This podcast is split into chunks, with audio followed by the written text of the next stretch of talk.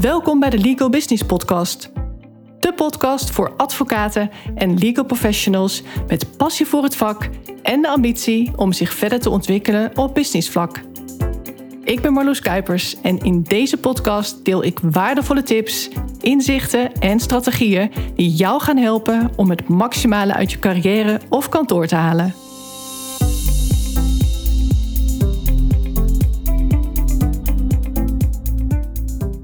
Je wilt het wel zijn, maar je wilt het niet worden. Als je net als ik ook naar Kamp van Koningsbrugge kijkt, dan weet je dat instructeur Ray Klaasens dit laatst tegen een deelnemer zei. Je wilt het wel zijn, maar je wilt het niet worden. Mocht je dat programma toch niet kennen, het is echt een interessant programma als je geïnteresseerd bent in leiderschap. Want in dit programma wordt een groep deelnemers fysiek en vooral ook mentaal op de proef gesteld. Met als doel om te kijken of ze het in zich hebben om deel uit te mogen maken van het korps commandotroepen. Oftewel, of ze onderdeel uit mogen maken van de Special Forces van de Koninklijke Landmacht. Defensie heeft trouwens een hele goede website als het gaat om het aantrekken van de juiste mensen. Dus kijk vooral even op werkenbijdefensie.nl als je zelf op zoek bent naar goede mensen. Ik zie nog zoveel oersaaie en zelfs slechte vacatureteksten. Dat is echt kansloos in deze tijd. Maar in Kamp van Koningsbrugge wordt naast dat fysieke en mentale aspect bovendien gewerkt aan het overnemen van de kernwaarden van het korps commandotroepen. En dan hebben we het over moed, beleid, trouw, eer en trots. Zit dat er wel voldoende in? Naast talent en fysieke kracht heb je namelijk ook een bepaald persoon te zijn. Ben je een echte leider? Laat jij het groepsbelang altijd prevaleren boven jouw eigen belang? Je ziet ook steeds meer dat er van dit soort trainingskampen komen voor jongeren. De gedachte is dat het allemaal een beetje een slappe hap is tegenwoordig. Dat de huidige generatie mentaal niet weerbaar genoeg is. Dat jongeren het ook nergens echt meer leren.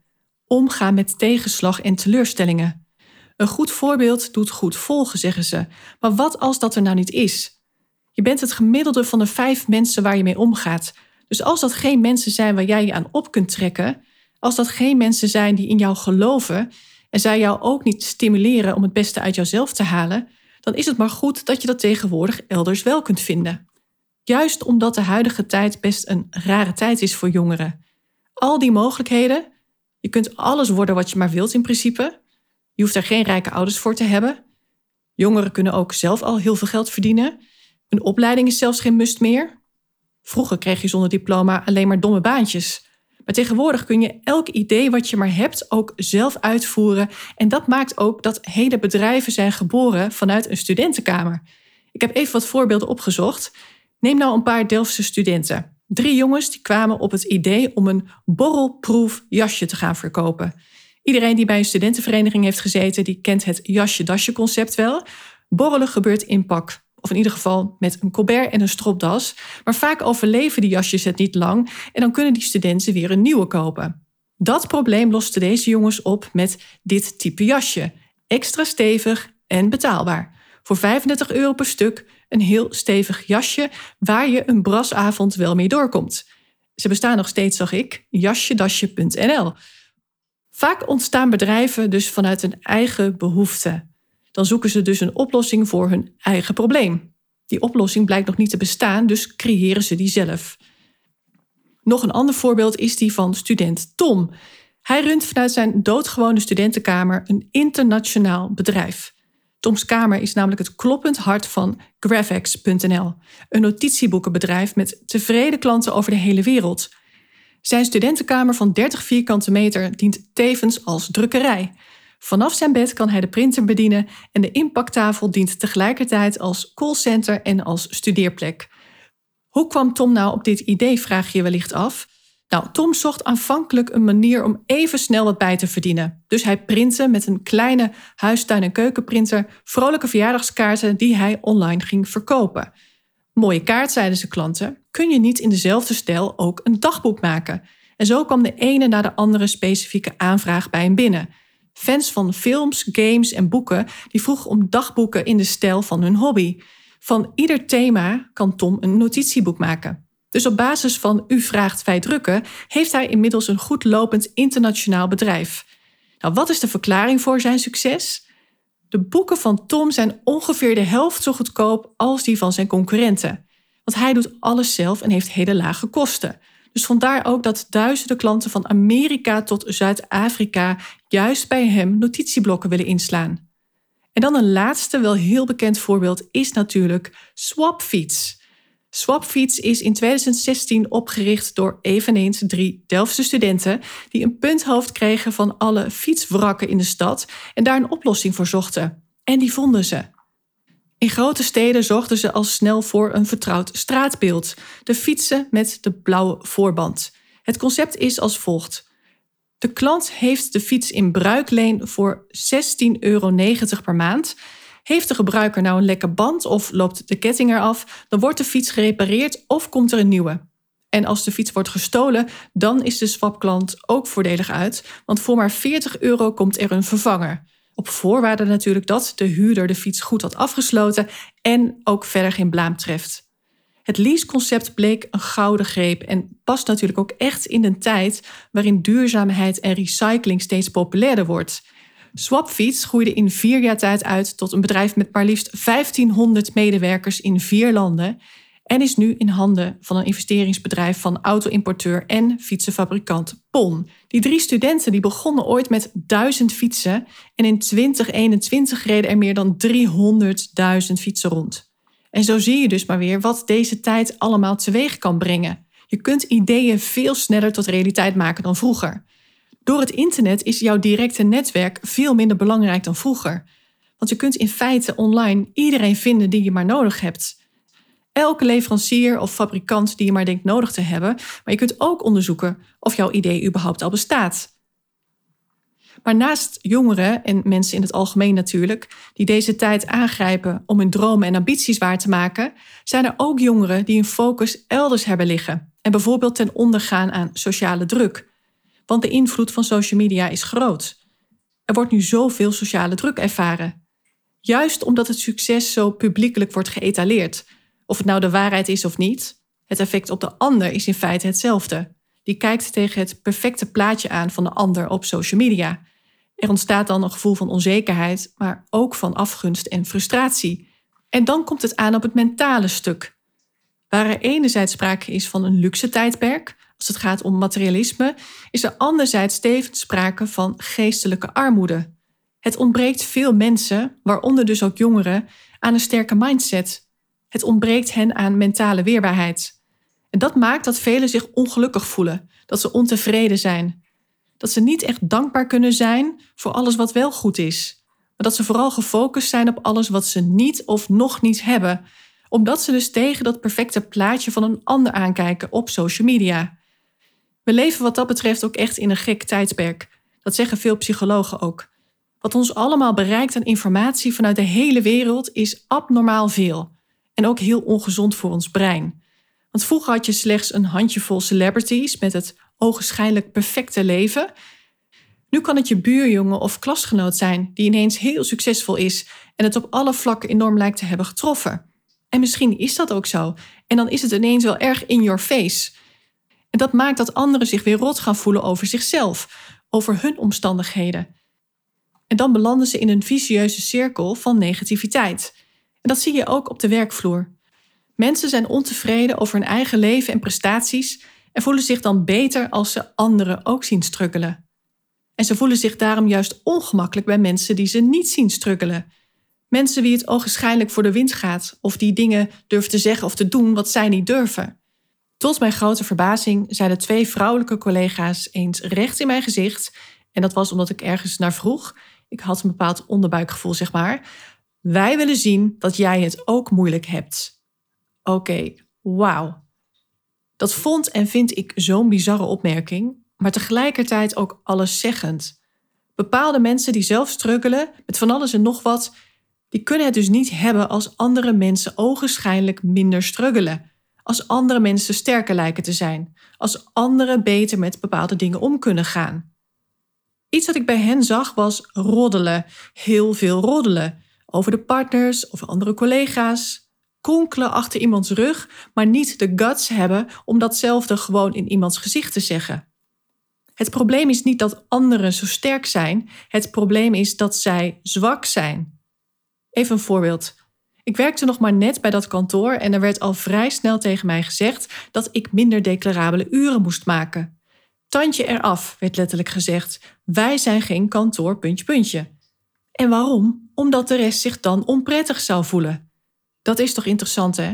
In plaats van dat je elke medewerker zijn of haar volle potentieel laat benutten en daar als kantoor ook ten volle van profiteert, ga je iemand afremmen omdat er wat collega's zijn die zich dan mogelijk geïntimideerd voelen.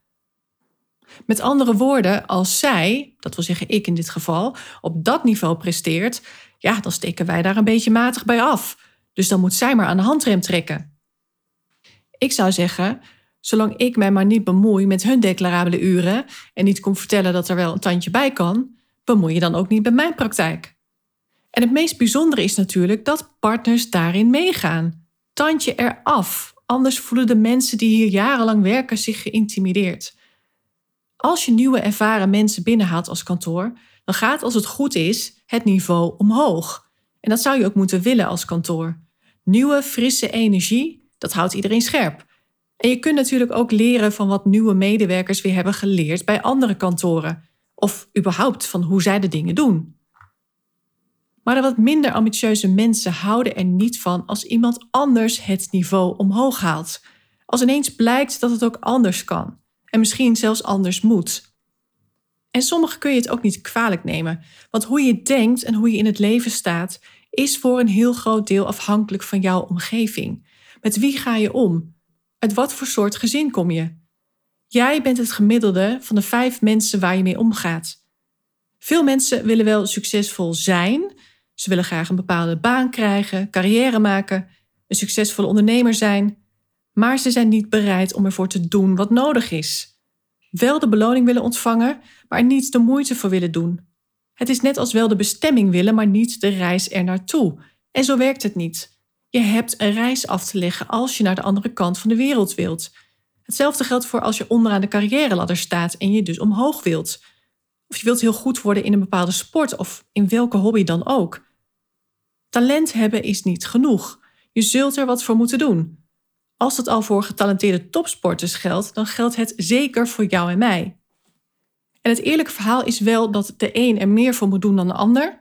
De een heeft nou eenmaal meer geluk dan de ander. Sommigen lopen daadwerkelijk tegen heel veel obstakels aan. Ze hebben meer te overwinnen dan een ander. Maar als dat dan lukt, dan word je daar juist heel sterk van. En het valt me ook op dat juist de meest succesvolle mensen in de wereld, neem nou Oprah Winfrey of Tony Robbins, dat zij het vroeger heel zwaar hebben gehad. En des te belangrijker is het ook om zelf op zoek te gaan naar een persoon in jouw leven die jou kan helpen om de goede kant op te bewegen. Voor Tony Robbins was dat bijvoorbeeld Jim Rohn. Hij werd zijn mentor en inspireerde hem met zijn levensvisie, wat er weer voor zorgde dat Tony Robbins later zelf mensen ging inspireren. En zo heeft Tony Robbins de positie bereikt die hij nu heeft, namelijk die van nummer 1 motivational speaker in de wereld.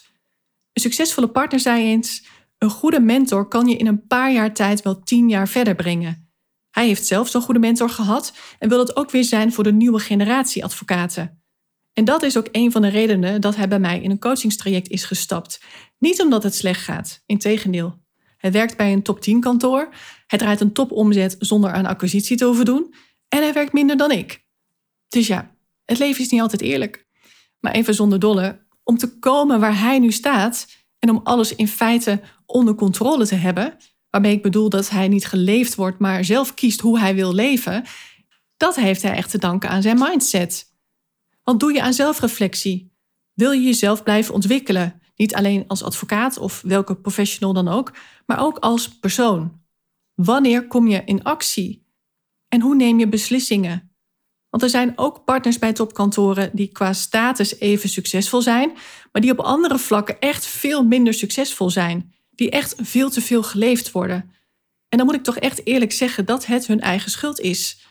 Er zijn meer mogelijkheden dan ooit tegenwoordig om aan de dingen die je liever anders zou willen zien te werken. Maar dan moet je het wel prioriteit geven. Niemand is in principe te druk. Iedereen heeft evenveel tijd, maar slechts weinigen geven de juiste dingen prioriteit. Als je te druk bent om ook maar helder te krijgen waar het nu schuurt, dan moet je als eerste daar tijd voor inplannen. En dat kan altijd, durf ik te zeggen. Ik vind echt dat mensen veel te snel klagen zonder in actie te komen. En nu kom ik ook weer terug bij die opmerking van Ray in Kamp van Koningsbrugge. Je wilt het wel zijn, maar je wilt het niet worden. Ik heb die opmerking toen meteen opgeschreven, want ik dacht meteen, dit is zo waar. Het proces van verandering is niet per se leuk. Er zitten maar weinig mensen zich echt op te verheugen. En dan zie je ook wie de bal het liefst zo snel mogelijk weer laat vallen. Met allemaal smoesjes. Ik ben nu even echt heel druk. Er is nu gedoe binnen kantoor. Even wachten tot het weer is overgewaaid. De markt is nu wel even heel onzeker. Je laat externe factoren dus bepalen wanneer jij actie gaat ondernemen. Maar vaak worden deze factoren onbewust juist aangegrepen om uit te stellen. En vaak is dat omdat als je aan problemen of uitdagingen gaat werken, er altijd de kans is op teleurstelling, mocht je achter de echte oorzaak van het probleem komen. Of mocht de oplossing niet datgene zijn waar je op hoopte. Angst is een slechte raadgever, maar toch is het vaak de rechterhand van heel veel mensen. Er zijn maar weinig mensen die all in gaan om een doel te bereiken en dan ook bereid zijn om vol te houden. Ik hoorde dat laatst nog een succesvolle Amerikaanse ondernemer zeggen: How to become successful? Just don't quit. Nou zijn er natuurlijk ook gewoon slechte ideeën. En soms moet je weten wanneer je moet stoppen, denk ik. Dan kun je beter iets nieuws beginnen. Maar er zit wel een kern van waarheid in. Want stel nou dat je ergens nooit mee zou stoppen en je je heel gefocust met dat ene ding bezig zou houden, jaar na jaar. Ik denk ook dat het dan wel bijna moet slagen. Als je de focus van de tijd afhaalt, dus loslaat binnen welke termijn iets moet slagen, dan zouden er echt veel meer succesverhalen zijn, denk ik. Maar het zit nou eenmaal in de meeste mensen dat alles makkelijk moet zijn. Het moet snel gaan en het moet leuk zijn. Alles moet leuk zijn. En dat is natuurlijk onrealistisch. Kijk, mijn hart ligt volledig bij mijn bedrijf, maar ik vind echt niet alles leuk wat ik doe. Er komt zoveel bij ondernemen kijken. Ik doe genoeg dingen waar ik soms eigenlijk geen zin in heb. En geen zin hebben is ook weer relatief. En hoe langer je onderneemt, des te beter je ook weet waar je energie van krijgt en waarvan juist niet. En dan kun je dingen gaan delegeren. Er zullen altijd dingen blijven die niet per se leuk zijn. En is dat erg? Lijkt me niet. Want zonder contrast ervaar je namelijk ook geen plezier.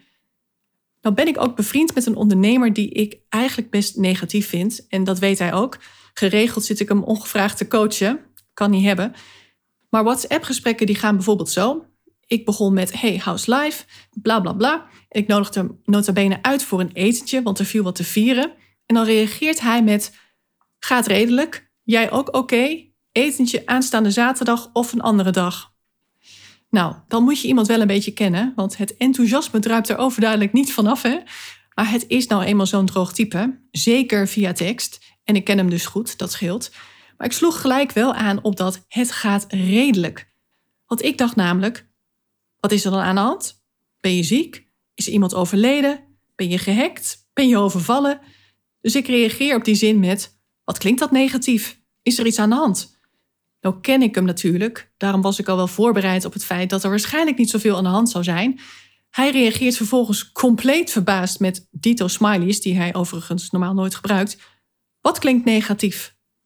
Dus ik zeg, je hebt goed als in prima en dan heb je nog geweldig, super, fantastisch, etc. Nou is fantastisch het antwoord dat een andere bevriende ondernemer mij altijd geeft. Hij is een compleet ander type, maar die zegt dus altijd: het gaat fantastisch. En hij heeft echt wel de nodige tegenslagen gehad in zijn leven, kan ik je vertellen. Dus hij heeft een compleet andere mindset en energie. Maar die andere ondernemer vond de omschrijving redelijk dus gepast, want zijn antwoord was dit. Als ik nou aan het strand zou liggen met een cocktail, dan had ik goed gezegd. Helaas maar waar, druk met werk, etc. Waarop ik antwoordde met een knipoog. En zelfs dan had je nog geen fantastisch gezegd. En zo ging het gesprek nog even door. Maar het ding is wel dat hij ook dingen zou kunnen sturen met zijn bedrijf. Want nu gaat alles vrij moeiteloos, op super drukke periodes na. Maar aan zijn bedrijf werken hoeft hij niet om dit in stand te houden. Want financieel gezien is hij gewoon een hele succesvolle ondernemer. Maar ja, dan doe je het jezelf dus wel aan. Dat gevoel hebben en houden van: is dit het nou? Ik zou echt liever met een cocktail op het strand liggen. Maar dat is dus ieders vrije keuze dan komt het toch weer neer op het feit dat de pijn of het verlangen niet groot genoeg is om te willen veranderen. Het veranderproces wordt zo groot gemaakt dat men er liever niet aan wil beginnen. En frustraties worden dan ineens toch afgezwakt. Het valt ook wel mee. Maar vaak is het juist de deksel op de snelkookpan duwen. Hij komt keer op keer weer omhoog. Het kost je hoe dan ook toch energie. Ook het negeren van frustratie en het ontkennen van verlangens. Het kost energie. Als je een bepaalde ambitie hebt, je wilt bijvoorbeeld partner worden bij een gerenommeerd kantoor, waar je dat niet zomaar automatisch wordt, dan gaat dat dus niet vanzelf. Je hebt daar wat voor te doen. Je hebt je te verdiepen in wat jouw partner waardig maakt. Welke skills je nog hebt te ontwikkelen. Ben je commercieel genoeg? Heb je goede sociale vaardigheden? Hoe zit het met jouw communicatieskills? Ben jij een goede leider, denk je? Je daar verder in ontwikkelen, dat is jouw aandeel. Als het kantoor daarin wat kan betekenen, dan zal jij dat moeten aangeven. Maar velen willen iets enerzijds wel, maar anderzijds ook weer niet. De angst dat het partnerschap tegenvalt, bijvoorbeeld. Of de angst dat het ten koste gaat van je gezin of van de werk-privébalans in het algemeen. Maar ook kijk je niet uit naar strubbelingen die je gaat meemaken in de maatschap of in de partnergroep.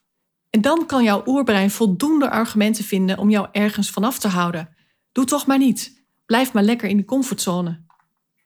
Als ik kijk naar de reacties op posts die ik deel op social media, of als ik kijk naar welke podcastafleveringen populair zijn, dan kan ik ook echt de conclusie trekken dat mensen minder geïnteresseerd lijken te zijn in onderwerpen die te maken hebben met wie je moet zijn om te slagen in het leven. Wat is jouw aandeel in jouw eigen succes en in jouw geluksbeleving? Afleveringen die gaan over marketing of acquisitie, die doen het veel beter. Dat staat los van jou als persoon, dat denken de meesten althans. Dat lijkt dan als een quick fix. Even snel wat tips consumeren. Een veilige oplossing. Maar het is allebei belangrijk. Leiderschap, daaronder schaar ik ook even jouw mindset en strategie. Als je die twee combineert, is succes gegarandeerd. Maar dat vraagt wel om actie. En vooral om de wil om het te willen. Om het echt te willen en dan te doen whatever it takes. En dat zie je dus bij het korps commandotroepen, maar dat is in het bedrijfsleven niet anders. Dat is in de advocatuur ook niet anders. Dus aan jou de vraag: wie wil jij zijn? Wat wil je bereiken? En als je dat helder hebt, wil je het ook worden? Ik ben benieuwd welke antwoorden jij hebt gevonden. Leuk als je die met me deelt. Dat kan zoals gebruikelijk via een bericht op social media of je kunt me even een mail sturen. In de show notes vind je mijn gegevens. Leuk dat je hebt geluisterd en heel graag tot de volgende keer. Dankjewel voor het luisteren. Mocht je deze podcast waardevol vinden, abonneer je dan of volg mijn podcast zodat je geen aflevering hoeft te missen. En deel hem ook vooral in je netwerk. Ook zou je mij een groot plezier doen met een 5-sterren review die je kunt achterlaten op iTunes. Niet alleen wordt de podcast dan beter gevonden, maar je helpt ook weer andere advocaten en juristen in hun reis naar succes en geluk. Uiteraard vind ik het leuk om te horen wat je meeneemt uit deze aflevering. Stuur me een bericht op LinkedIn of mail naar info.marloeskuipers.nl. Heb jij bepaalde ambities en wil je weten hoe ik jou zou kunnen helpen bij het verwezenlijken daarvan? Vraag dan een gratis meesterschapscall aan via mijn website. Ga naar www.marloeskuipers.nl. Alle informatie vind je ook in de show notes bij deze aflevering. Ik kijk er naar uit om van je te horen. Tot de volgende keer.